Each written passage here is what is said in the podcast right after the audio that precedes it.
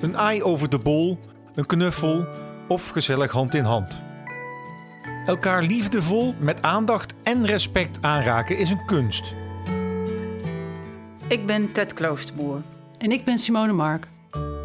Met Stichting Praat maak ik kindermishandeling bespreekbaar. Maar heb jij ook in je jeugd ervaringen gehad met fijne aanrakingen? Of was het alleen maar grensoverschrijdend? Aanrakingen zijn superbelangrijk. Geknuffeld worden en eh, gestreeld worden op, een- op een lieve, warme, menselijke manier is superbelangrijk.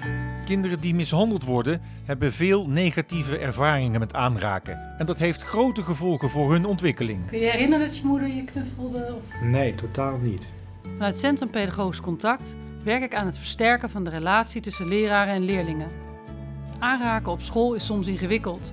Want waar ligt de grens? Het is een zwaktebod, vind ik het zelfs, op het moment dat we zeggen: Goh, uit angst om mis te verstaan te worden, doen we het maar helemaal niet meer. Door een aantal opvallende misbruikzaken, maar ook door corona, is fysiek contact in het verdomhoekje terechtgekomen. In deze podcastserie zoeken we uit waarom aanraken zo belangrijk is. Wat is een goede aanraking? En wie bepaalt dat eigenlijk? Nou, ik denk dat, dat, dat het in eerste instantie in afstemming zit. Daarom geef ik letterlijk aan, ik zal nooit over je grens gaan. Als jij zegt stoppen, ben ik weg. Eh, zeg ik ook letterlijk met deze bewoording. Fijn dat je luistert naar Aangeraakt.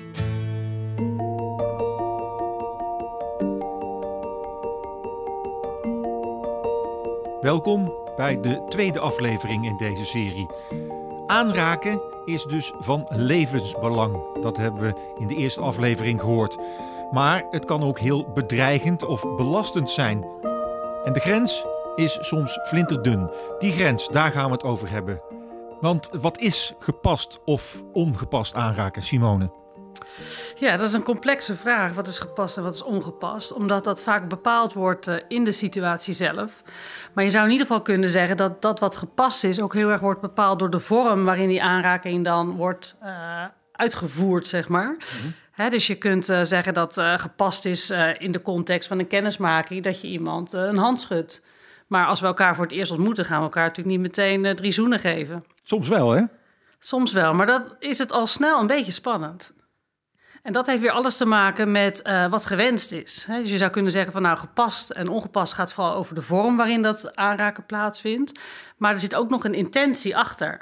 Heeft het ook met cultuur te maken? Ja, absoluut.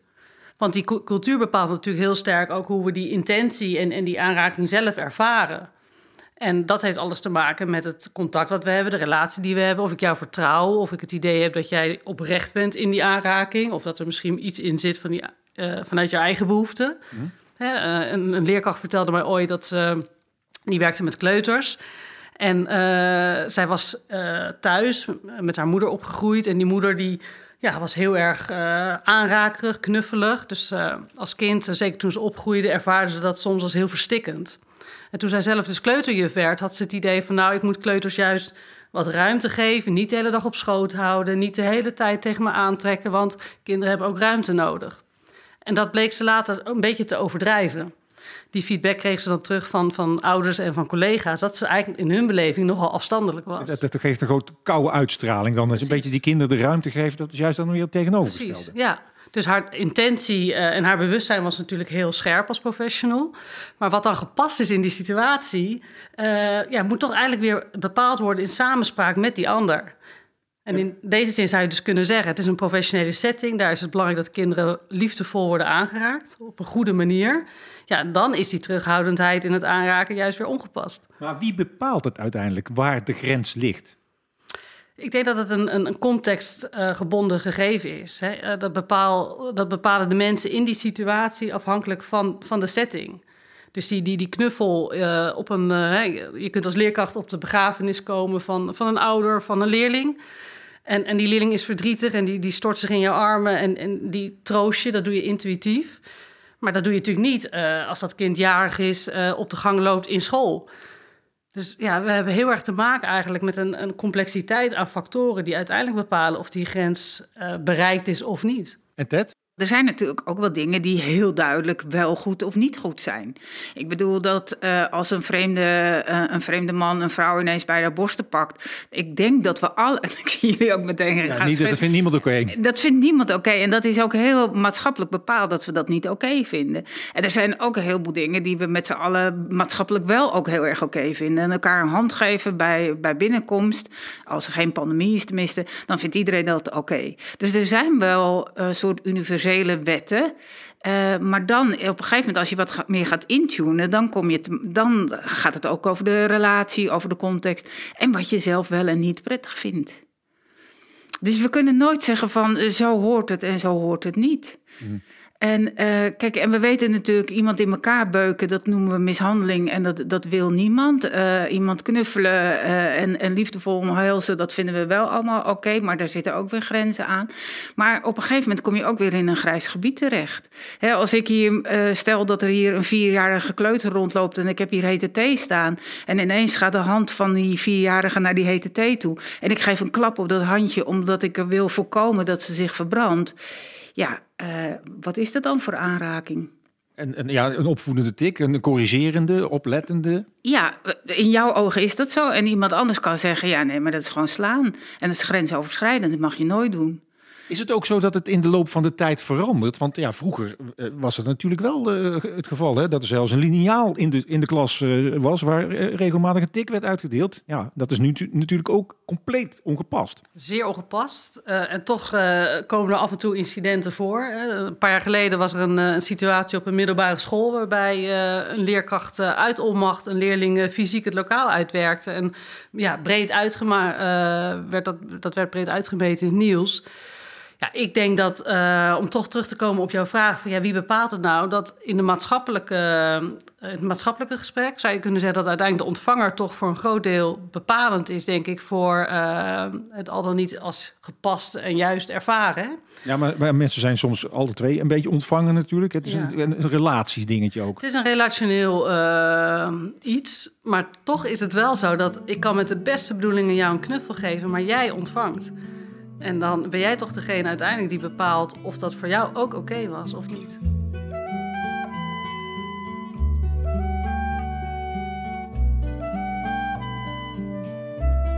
Charlotte van Bezouw is deskundige op het gebied van huiselijk geweld. Ze richtte in de jaren 70 de Blijf van mijn lijfhuizen op. En nu geeft ze les aan de Sociale Academie in Utrecht. En bij de opleiding is ze specialist huiselijk geweld als mensen aan grenzen denken, dan denken ze veel meer aan grenzen stellen dan aan, aan grenzen. Uh, op de, dat je, een grens is natuurlijk ook een ontmoetingspunt. Oh, dat is een mooie. Een grens is ook een ontmoetingspunt. Bij de grens ga je. Als je, als je twee wezens of twee landen hebt, dan, dan, dan, dan ga je naar elkaar toe. Dan moet je een grens over. Dus eigenlijk is ook in aanraken de grens eigenlijk op een goede manier opzoeken je zoekt natuurlijk, ja, je zoekt de ontmoeting, je zoekt de, het contact. En uh, een grens is, is het, ja, als je heel ver van een grens afblijft, dan kom je daar niet. Hè? Dan kom je nooit binnen. En als je over een grens heen dendert, dan, dan, word je, dan is er natuurlijk alleen maar weerstand. Dus het, het, zit, het echte contact speelt zich natuurlijk altijd een beetje om die, om die grenslijn af. Het is denk ik een, een beetje een blinde vlek. Ik bedoel, als je gewoon kijkt naar de maatschappij, dan zie je eigenlijk een beetje twee uitersten. Hè? Aan de ene kant omhelzen we elkaar drie keer. En aan de andere kant is er heel veel gedoe over MeToo. Maar eh, ja, hoe lijfelijk zijn we eigenlijk? En, en hoe uh, gebruiken we aanraken uh, in contact? En wat, waar wil je wel en niet aangeraakt worden? Hoe vaak word je aangeraakt? Uh, vroeger deed ik nog wel eens oefeningen dat ik mensen tekeningen liet maken op een lijf van wat zijn plekken waar je veel bent aangeraakt, wat zijn plekken waar je nooit bent aangeraakt. Wat zijn plekken waar je aangeraakt zou willen worden of door wie? Of, maar dat is een soort bewustwording of een soort ontdekkingstocht waar, ja, waar gewoon niet zoveel aandacht meer uh, voor is. En waarom deed je dat vroeger wel? Omdat er toen meer ruimte was. Ook om, omdat je. Um, ja, je had gewoon meer tijd, denk ik, om um, studenten individueel en procesmatig te begeleiden. En meer tijd voor dit soort thema's. Het is tegenwoordig allemaal veel meer op competenties gericht, op doelen gericht, op toetsuitkomsten gericht. Uh, het is minder een soort, um, ja, stilstaan bij jezelf, ontdekkingstocht of zo. Ik denk dat het vormende aspect wat meer verdwenen is uit het onderwijs. En dat is dus een gemis volgens Charlotte van Bezouw. Ook tijdens de opleiding van Karm Barten op de PABO ging het niet over aanraken. Zeker ook omdat je zegt van nou, eh, als mannelijke leerkracht uh, zou het kunnen zijn dat er soms toch wat meer uh, taboe op zit. Hè? Als we kijken naar alle incidenten die hebben plaatsgevonden. Is dat ooit bij jullie een, een topic geweest? In mijn opleiding tot leraar is het nooit een onderwerp van gesprek geweest. Ik heb daar nooit les over gehad. Uh, ook niet dat het een taboe was. Uh, dat, dat is toch iets wat je vooral toch merkt en voelt op het moment dat je op de werkvloer kwam. Dus destijds als stagiaire dat je gewoon merkt dat het toch een taboe is of dat je, dat, dat, dat je daarop moet letten. Maar inderdaad ook nooit in de opleiding aandacht aan besteed hoe je wij spreken zo'n taboe kan doorbreken. Of hoe je toch op een bepaalde manier lichamelijk contact kunt hebben met kinderen tijdens je werk. Zonder dat je daar, daarmee het, het taboe bevestigt, wij spreken. waar, waar pikte jij dat op dat het blijkbaar ergens een taboe was? Nou, sowieso doordat we regelmatig had horen kregen dat de, dat de deuren van de lokalen niet zomaar dicht mochten. Uh, ook ouders met name die reageerden toen ik uh, bij de kleuters ging werken. Dus ik heb jarenlang in de bovenbouw gewerkt. Dat vonden ouders redelijk logisch. En toen ik naar de kleuters ging met de jongere kinderen waren er best wel wat ouders die nadien, nadat ze twee jaar bij mij in de groep hadden gezeten en afscheid namen, uh, bekenden dat ze best wel spannend vonden uh, en onwennig vonden dat er een mannelijke leraar met dit soort jonge kinderen werkte. Hoe uh, was dat om dat te horen? Ja, het was geen verrassing, gek genoeg. Um, om, omdat ik dus al hoorde in het onderwijs en ook voelde bij, bij collega's dat dat, dat dat er heerste. En ik was ergens, gek genoeg, ook wel trots dat ik uh, deze ouders had kunnen laten zien en het vertrouwen had kunnen geven dat het dus ook heel goed mogelijk is dat een mannelijke leraar met jonge kinderen werkt. En dat het dus helemaal niet zomaar vanzelfsprekend is dat dat dan uh, tot alle extreme vormen zoals we die kennen en de incidenten hoeft te leiden. Dus ik, ja, ik, ik, ik ben blij dat ik, dat ik daar heb kunnen laten zien dat ook een man heel goed met jonge kinderen kan werken. En misschien zelfs ook nog wel iets kan brengen uh, waarin de vrouwelijke collega's dat niet zouden kunnen brengen. Zoals wat? Ja, misschien toch uh, af en toe wat, wat, wat meer speels karakter. Af en toe misschien wat, uh, ja, wat, wat ander begrip van situaties waarin vrouwelijke, zonder dat ik wil stigmatiseren daar, want ik, ik weet niet zeker of dat zo is. Wat zag jij bijvoorbeeld dat jouw vrouwelijke collega's uh, kinderen anders aanraakten dan uh, jij als man dat zou doen of je mannelijke collega's? Nou, dat weet ik niet. Ik denk wel dat ik minder snel kinderen op schoot nam. Ik ben altijd heel blij geweest dat ik een vrouwelijke collega naast me had als duo-partner. Omdat, omdat ik juist die wisselwerking zo prettig vond. En zij was inderdaad iemand die makkelijk kinderen op schoot nam. Daar was ik voorzichtiger in en bewust. Maar ook omdat ik, wat ik al vertelde, daar niet zo de persoon ben om dat zomaar te doen. Maar wat ik wel merk is met, met in spel dat ik daar wel weer wat ander contact legde. Dus met, met, met gimmen, met sporten, uh, buitenspel, uh, klimmen, dat soort zaken. Dat ik daarin uh, kinderen meer ondersteunde, waarin mijn vrouwelijke collega dat weer wat minder deed. Dus ik denk het, het, troostende aanraken meer bij mijn vrouwelijke collega lag. en misschien het spel aanraken en het, bemoedigende aanraken meer bij mij kwam. En daarin hebben we volgens mij echt een mooie aanvulling gehad op elkaar. Mooi. En als jij zegt bemoedigend aanraken, spelend aanraken, kun je ons eens een beschrijving geven van wat zie je een leraar dan bijvoorbeeld doen? Nou, in mijn geval zijn er, en vooral kleuters, uh, waar vaak van gezegd wordt niet in bomen klimmen, uh, was dat mij de uitdaging om kinderen zo hoog mogelijk in de bomen te laten klimmen. Maar die eerste tak, die moet wel genomen worden. En daar is een schoudertje handig voor, of even net een duwtje oh, ja. uh, van onder. En soms ook letterlijk optillen. Um, wat betekent dat je met je hele lichaam, dat andere kind met zijn hele lichaam optilt. Wat best wel intiem was. Uh, waar overigens ik nooit het idee van heb gehad dat kinderen dat vervelend, gek vonden uh, of wat dan ook. Uh, dat is een, een, voorbeeld van hoe je kinderen bemoedigend of behulpzaam probeert met lichamelijk contact bij te staan. Ja, en we kennen natuurlijk ook de stoeispellen uh, op de mat, uh, waarin ik de eerste was die op de mat zat en me liet bestormen door kinderen die mij probeerden van de mat af te helpen. Ja, dat zijn wel voorbeelden zoals ik met in dit geval jongere kinderen, maar ook overigens bij de oudere kinderen contact gebruikte om daarmee ook letterlijk contact te maken om ze te sterken, om weerbaar te worden, om assertief te worden, mij van die mat af te krijgen enzovoorts. We hebben het vaak natuurlijk over een juiste manier van handelen. Um, kun je nou voelen of merken dat kinderen wel of niet uh, het oké okay vinden dat je ze aanraakt? Ja, ik heb wel eens situaties uh, meegemaakt. En dan denk ik toch terug aan de situatie van een, een meisje wat uh, verlegen was, teruggetrokken was, heel bescheiden was, zich wat zelf wat, wat meer op de achtergrond treden in de groep. Dat was een meisje in groep 6. En die heb ik wel eens een keer bij de schouder genomen toen ik gewoon door de klas liep en eventjes wilde checken hoe het met haar ging, met haar werk. En haar bij de schouder pakte om even mee te kijken waar ze mee bezig was. En dat ik daar voelde, en ik, ook dat kan ik niet helemaal beschrijven wat daar gebeurde, maar dat ik wel in, in haar lichaam voelde dat, dat ze daarvan schrok. Of dat dat daar niet passend was. Um, wat ook wel weer een ervaring voor mij is geweest, dat, dat, ja, dat, dat je daar goed op moet letten wanneer dat kan en wanneer dat niet kan. En soms weet je dat dus pas wanneer je iemand aangeraakt hebt. En weet je dat voor de volgende keer, dat daar meer voorzichtigheid bij geboden is.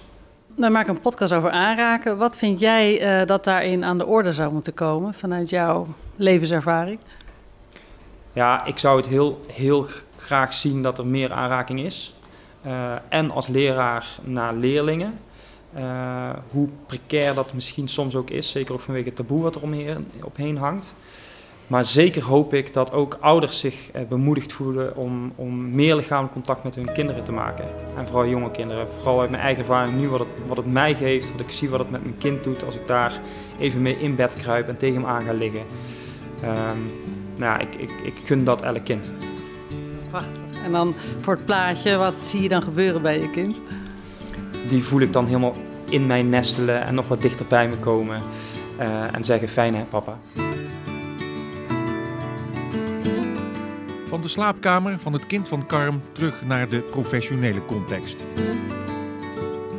Het gebrek aan aandacht voor aanraken in opleidingen heeft direct gevolgen. Bijvoorbeeld voor kinderen in een kinderdagverblijf. Dat ziet ook haptonomisch therapeut Monika Polman. Wat ik gezien heb als, uh, als ik op kinderdagverblijven kwam, um, is die, die angst die er is bij de um, pedagogische medewerkers om um, met warme, voelende, luisterende handen aan te raken. Er is veel technisch aanraken. Er is ook het idee dat alleen dan er snel gewerkt kan worden, efficiënt gewerkt kan worden. En de pedagogische medewerkers die, die, nou, die ik een beetje laat zien van hey, hoe kan je nou zo'n heel kleintje eigenlijk makkelijk verluieren door dat, eerst dat contact aan te gaan, die zijn dan heel verrast hoe rustig het eigenlijk wordt. Dat je niet meer hoeft te vechten met beentjes die alle kanten op gaan. Ja, en dat draait en draait. Ja, en waardoor he, de luier eigenlijk overal zit en niet meer op de plek waar je wil. Dus die heel verrast zijn dat het aangaan van het contact via je handen, maar ook via, ja, via je blik, via je stem, je mimiek. Um, maar je handen zijn daar in feite, hè, de aanraking is daar de, nou, de meest, meest directe vorm voor. dat als je daar um, luisterend, warm, rustig, vriendelijk aanraakt, dat dat iets doet in het kind op het meest bazaal niveau, wat een soort rust en gemakkelijkheid brengt. Iemand die heel ontspannen met aanraken omgaat, is leraar en schoolleider Alex Otte. Ik, ik, zou, uh, ik zou geen leerkracht kunnen zijn zonder fysiek ook contact te kunnen maken. Maar dan wel op de juiste manier. Van even een hand op de schouder, even een eye over de bol. Dat zijn momenten die, ja, ik, ik zou niet zonder kunnen. Dat zit in mij, ik, ik raak graag mensen aan. En ik weet ook als, ik, als, als mensen dat, um, als je merkt dat mensen dat niet zo prettig vinden, dan heb je snel genoeg door. En, en, volgens mij doe je dan een stapje terug. hoe, hoe heb je dat door? Want dat... Nou, de mensen schrikken als je, als je, als je ze aanraakt. Uh, maar ik maak, als ik met iemand praat, ook heel graag... Ik wil jou wel bijna ook aanraken nu je mee interviewt. dat is ja, mooi. Ja. Dus dat, uh, ja, dat, letterlijk contact maken. Wat is de boodschap die jij afgeeft aan jouw collega's? Je bent ook schoolleider. Vind jij dat uh, leerkrachten kinderen mogen aanraken in een uh, klassensituatie? Ik denk als je dat niet zou doen dat je een hele krampachtige, uh, niet uh, realistische sfeer neerzet. Ik denk dat, je, dat het er gewoon niet zonder kan. Um, ik, ik, ik, eerlijk gezegd is het ook geen issue bij onze school. eigenlijk nog nooit een issue geweest bij een van mijn scholen geweest waar ik ooit gewerkt heb. Um, we doen het gewoon en iedereen voelt zich er zijn dank bij. En um, ik denk hoe meer je erover na gaat denken, hoe krampachtiger het wordt en hoe beladener het wordt. En, en, en, en dan ben je volgens mij de verkeerde toer. Zegt Alex Otte. Het gevoel van op de verkeerde toer zijn had Ronald Heidanus toen hij les gaf op een school voor speciaal middelbaar onderwijs, waar ze op een heel andere manier met kinderen omgingen. We werkten met, uh, met de methode heette dreigend en destructief gedrag. Dus op het moment dat je het idee hebt dat de veiligheid in het geding was, eh, dan werd er regelmatig een kind uh, vastgepakt in een holdinggreep. En, Wat is dat voor mensen die dat niet kennen? Um, nou ja, de meest simpele variant is dat je een kind bij de pols pakt en de arm een klein beetje draait en met je andere arm eigenlijk om de arm heen gaat, waardoor je een pijn, pijnprikkel kan uh, veroorzaken. Uh, waardoor op het moment dat een kind dan niet zou willen meewerken, of je merkt dat een kind zo boos is, dat je heel even een pijnprikkel geeft om zo'n kind even te downchunken, of hoe je het ook wil noemen, om in ieder geval een grens aan te geven. Uh, een, andere vorm was dat je een kind op de grond legt uh, en dan had je bepaalde grepen of een arm die je draaide of een, of een been die je over een andere been legde. En dan, um, uh, nou ja, waardoor je op die manier probeerde een kind te aarden of weer tot rust te brengen. Um, ja, mijn inziens was daar um, niet een werkwijze die heel erg constructief was, omdat je soms ook kinderen zag die er ook echt 10 minuten tot 20 minuten in hun boosheid bleven hangen. Uh, en dat het eigenlijk alleen maar versterkte doordat je dat deed. Ja, want dat klinkt ook als een vorm van aanraken waarbij je de controle wel echt overneemt van een kind. Ja, klopt. klopt. En dat maakt ook dat, dat het in ieder geval voor mij als mens niet goed voelde om, uh, om dat te doen. Uh, um, ja, ik ben betrokken geweest bij een aantal incidenten en waar ook kinderen gefixeerd werden of waarin ik een rol speelde om. Maar telkens als ik het deed, had ik er achteraf in ieder geval een heel naar en slecht gevoel van. En niet alleen ik, ook ouders en kinderen hadden daar slecht gevoel van. Dus, uh, dus dit, het werd een dingetje binnen school. Uh, en ouders uh, um, um, kwamen ook eigenlijk in verweer. Er kwamen klachten. En, dus op een gegeven moment werd er ook gezegd van en, en, en nu stoppen we. Dus het gebeurde eigenlijk te veel. Dus er werd te veel gefixeerd. in plaats van achter het gedrag kijken en kijken van, van nou ja, waar komt een verhoogde staat van arousal eigenlijk vandaan. Ja. Maar mochten jullie toen helemaal niet meer aanraken of, of alleen niet meer uh, die holding of die fixatie toepassen? Dat je dan nog wel kinderen op een ja, liefdevolle of bemoedigende manier mocht aanraken? Nee, echt het hele aanraken werd uh, uh, ons geadviseerd om niet meer te doen. Wauw. ja, en dus, nou ja, wat ik al zeg, niet heel erg passend. En, en nou ja, daarmee kwam ik even weer. Um, uh, tegelijkertijd is het natuurlijk ook zo van ja, als je iets vindt, dan, dan moet je ook de verantwoordelijkheid voor nemen. Dus ik ging ook op zoek naar van oké, maar hoe, hoe, hoe komt dat dan? Hè? Dus hoe, hoe komt het nou dat een kind zeg maar, op een gegeven moment zo boos is dat, je, dat, je, dat, die, dat die veiligheid niet meer te waarborgen is? Um, en een van de dingen die ik geleerd heb is uh, als je achter gedrag kijkt en de persoonlijke ruimte van een, van een kind uh, waardeert, of in ieder geval het laat zijn, dan kun je ook op andere manieren een kind tot rust krijgen, zou ik maar zeggen. Uh, sterker, je kunt nog voordat een kind een verhoogde staat van arousal krijgt, juist door uh, constructieve aanraking, uh, heel even een schouderklopje, of weet je, je voelt soms, ik heb ooit een keer een, meisje in de groep gehad en was super onzeker, ergens voelde het ook alsof dat zij ont, ontkoppeld was met zichzelf. Die wilde ik eigenlijk een compliment geven. Dus ik, dus ik gaf eigenlijk een schouderklopje. Ik legde heel even mijn hand op haar schouder. En het voelde alsof dat, dat mijn hele hand versteende. Uh, het voelde heel koud. En, en nou ja, de, de, alsof, alsof van mijn hand tot, tot mijn bovenarm helemaal aan het verstenen was. En ik voelde ook van, oeh, ik, ik mag haar niet aanraken. Zij, zij laat in alles voelen van, uh, blijf van me af. Ja.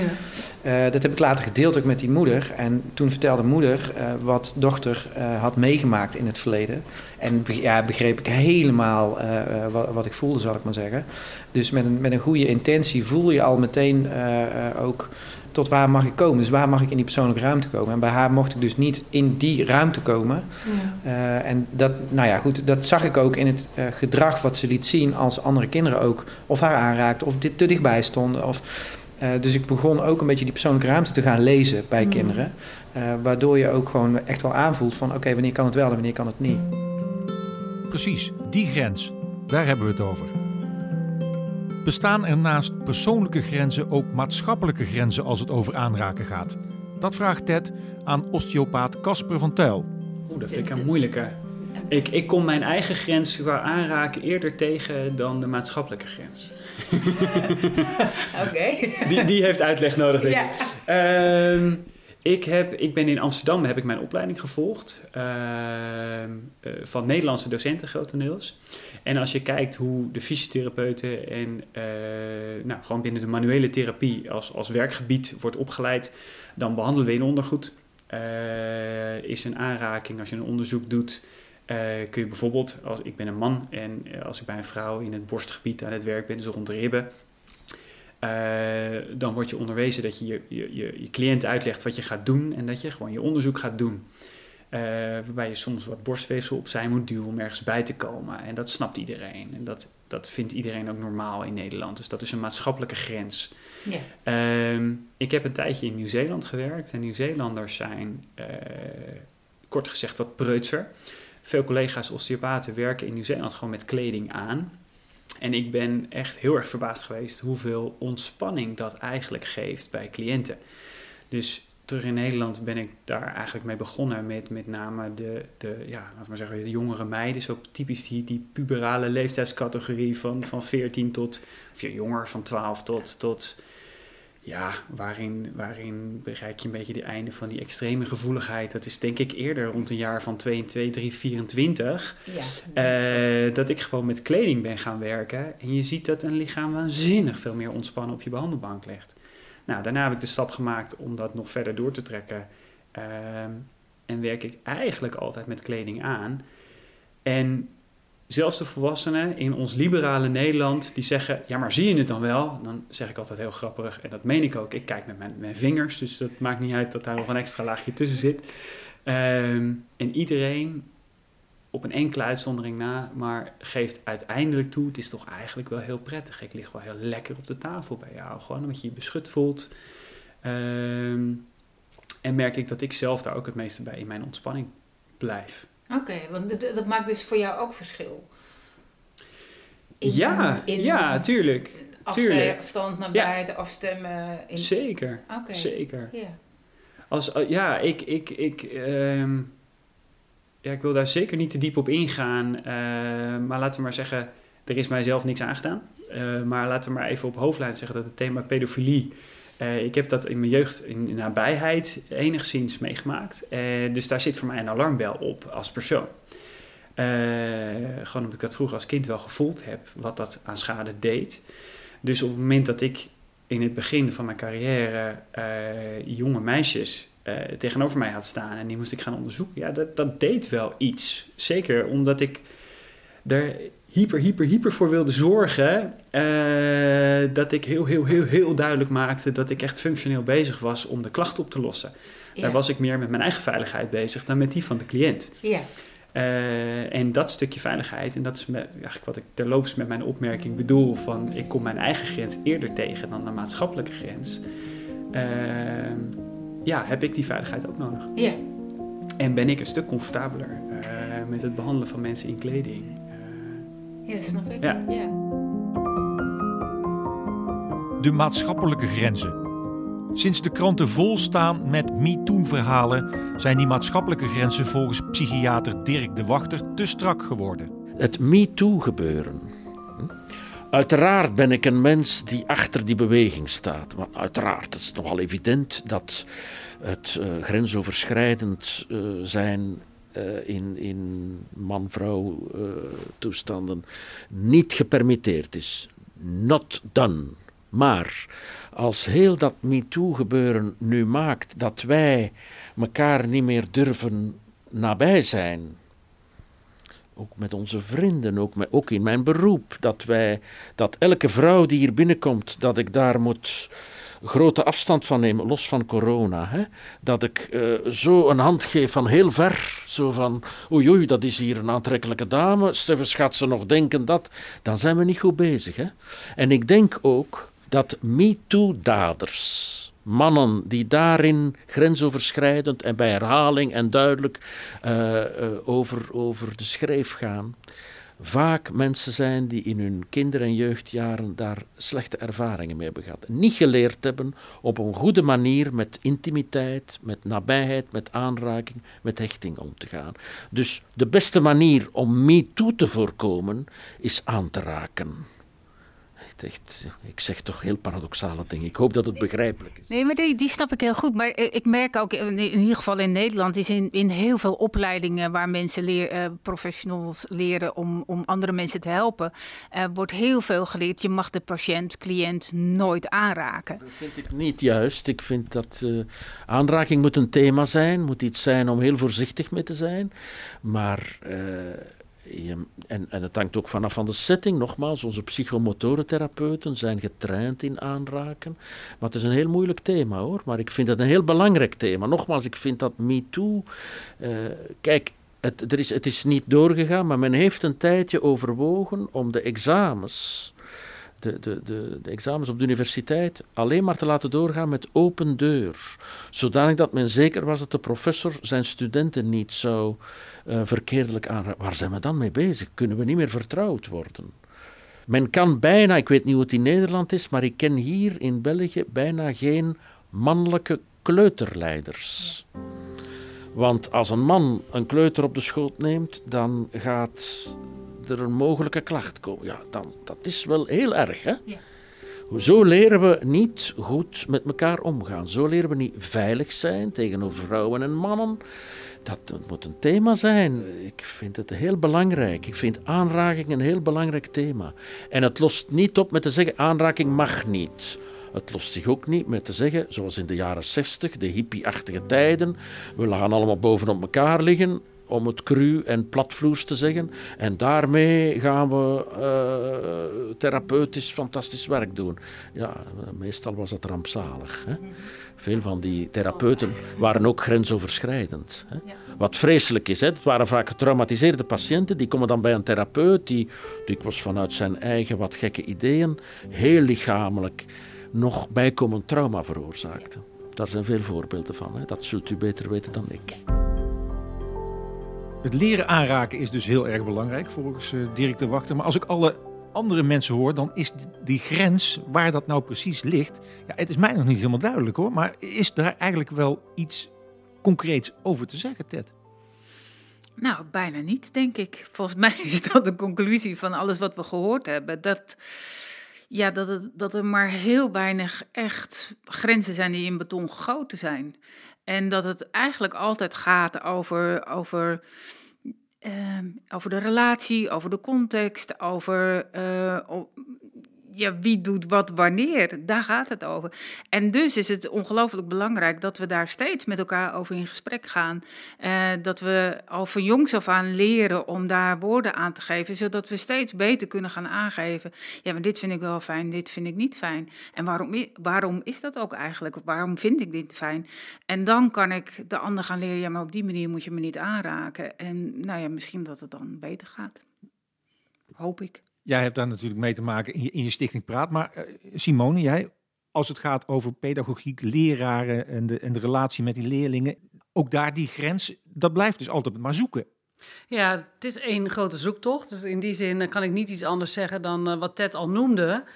Uh, ervaring opdoen en met elkaar daarover praten. Dat is denk ik de kern. Maar we kunnen wel zeggen, ehm, ja, wanneer is die aanraking nou goed en wanneer is die niet goed dat we kunnen zeggen daarover, ja, dat heeft altijd te maken inderdaad met die relatie. Dus je zult steeds weer opnieuw, als het gaat over de pedagogiek, moeten kijken als opvoeder, want die is uiteindelijk natuurlijk daarin uh, in de lead.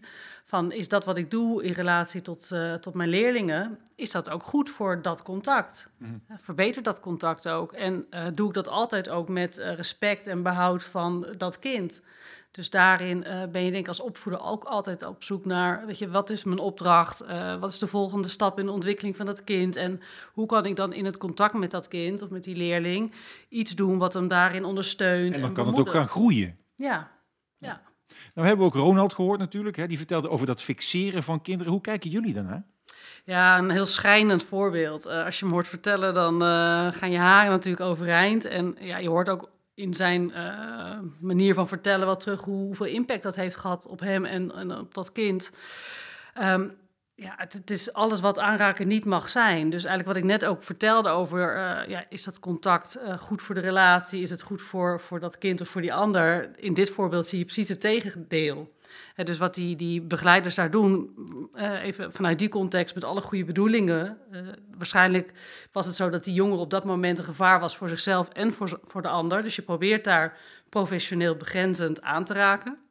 Maar op deze manier, door geen contact te maken met dat kind, eh, doe je dat zo ontkoppeld, zo uit verbinding, dat daarmee eh, natuurlijk alleen maar een groter gevaar, een grotere angst ontstaat. En ja, dat kind in dit geval ook helemaal niet meer meedoet in dat contact. Dus dat, die neemt, eigenlijk neem je het over op een manier die eh, niet respectvol is, niet, geen recht doet aan wie dat kind is. En vaak dus heel traumatiserend. Ja, maar dat is dan in die situatie dat dat gebeurt. Maar eh, dat is heel moeilijk om dat natuurlijk meteen op dat moment ook in te schatten wat het beste is. Ja, toch kun je dat ook protocoleren. Dus de ervaring leert dat, eh, en dat ken ik ook uit mijn eigen achtergrond als eh, eh, pedagoog in speciaal onderwijs.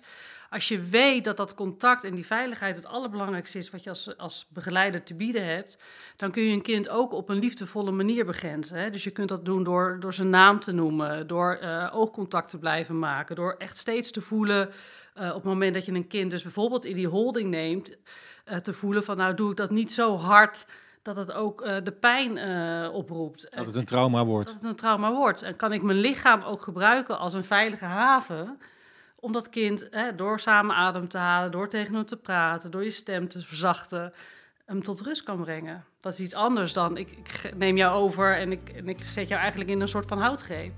En dat is eigenlijk wat hij ook vertelt in dat fragment: dat er ook echt een pijnprikkel wordt toegebracht aan het kind om het kind te kalmeren. Nou, en- en toen ik, dat, ja, toen ik dat terugluisterde, dacht ik, ja, dat gaat natuurlijk nog. Je wordt niet rustig van pijn. Nee. Eh, dus, dus het is een, een, in, in deze niet een manier om. om eh, Het is niet humaan. nee, dat. Punt.